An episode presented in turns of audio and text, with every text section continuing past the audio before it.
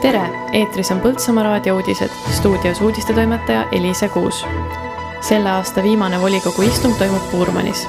Põltsamaa lossi meistrite maja galeriis avati uus näitus. kuningamäe suusa- ja lumelauarajad ootavad spordisõpru. Põltsamaa vallavalitsus kutsub üles pildistama detsembrit. Põltsamaa vesi otsib Päästeameti hüdrandile otsa sõitnud autojuhti neljapäeval, kolmekümnendal detsembril toimub Puurmani lossis selle aasta viimane Põltsamaa vallavolikogu istung. päevakorras on kolmteist punkti. teiste hulgas toimub valla järgmise aasta eelarve esimene lugemine ja ajutise ettevalmistuskomisjoni moodustamine. komisjon hakkab pidama läbirääkimisi Tartu vallaga Puurmani piirkonna võimaliku lahkumise üle Põltsamaa vallast, räägib Põltsamaa vallavolikogu esinaine Reet Alev eelarvest ülevaate saamine on, on üksjagu, üksjagu keeruline ja ja et, et ta töösse saada, et, et meil on põhiline praegu, praegu teema ikkagi see, et kas palgatõus tuleb või ei tule. inim-, eks inimesed ootavad palgatõusu aga eh, millised on meie võimalused, et aga, aga noh, põhiline teema on see, et, et noh, nagu linnas ringi olete kõik liikunud, et eh, kolm suurt objekti on praegu ju töös, et, et on Põltsamaa valla lasteaed, siis on need hooldekodumajakesed ja, ja, ja, ja mis on see kõige suurem ehitusplats, on lossihoov, et et noh, eks need on järgmise aasta kõige-kõige, kõige tõsisemad teemad ja et, et need objektid ikkagi valmis saaksid. Põltsamaa lossi meistrite maja galeriis avati Peep Edmansoni näitus Lumememm ja sõbrad, räägib Johanna Järva näituse keskmes on lumemõmmi, kes keeldub oma elu esimesel kevadel sulamast. mis temaga järgmise suve ja sügise jooksul juhtub, sellest lugu räägibki, sõnas näituse autor Peep Edmanson. kuna idee omanik on ise Põltsamaaga mitmeid pidi seotud, mõjus seega otsustavalt näitust avama näitust saab külastada esmaspäevast laupäevani kella kümnest kuni kella viieni ning see on kõigile huvilistele tasuta. Kuningamäel asuv lumelauaklubi Kosmos on avatud reedest pühapäevani, jätkab Johanna Järva kohapeal on võimalik laenutada kiivreid, lumelauasaapaid suuruses kolmkümmend üks kuni nelikümmend kaheksa ja muud lumelauavarustust.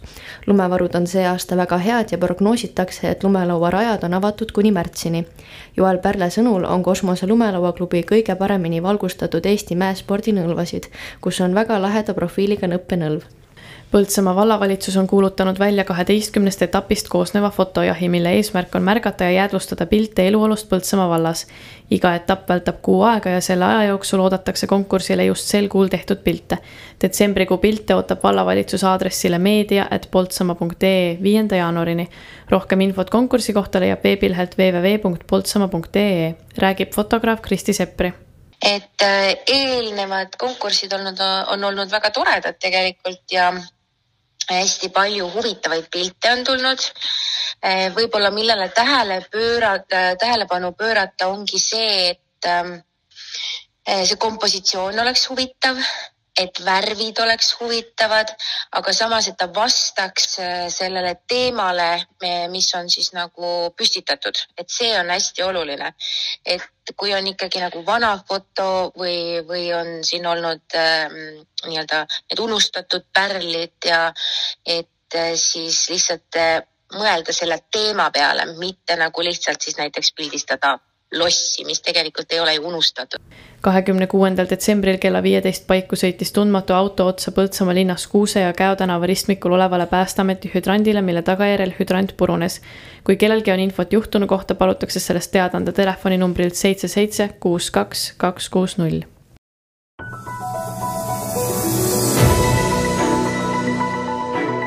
mina olen toimetaja Johanna Järva ja ilm.ee andmetel kahekümne kaheksandal detsembril pilvest selgimistega peamiselt sajuta ilm, puhub lõuna- ja kagutuul viis kuni üksteist, rannikul puhanguti neliteist, saartel kuni kaheksateist meetrit sekundis.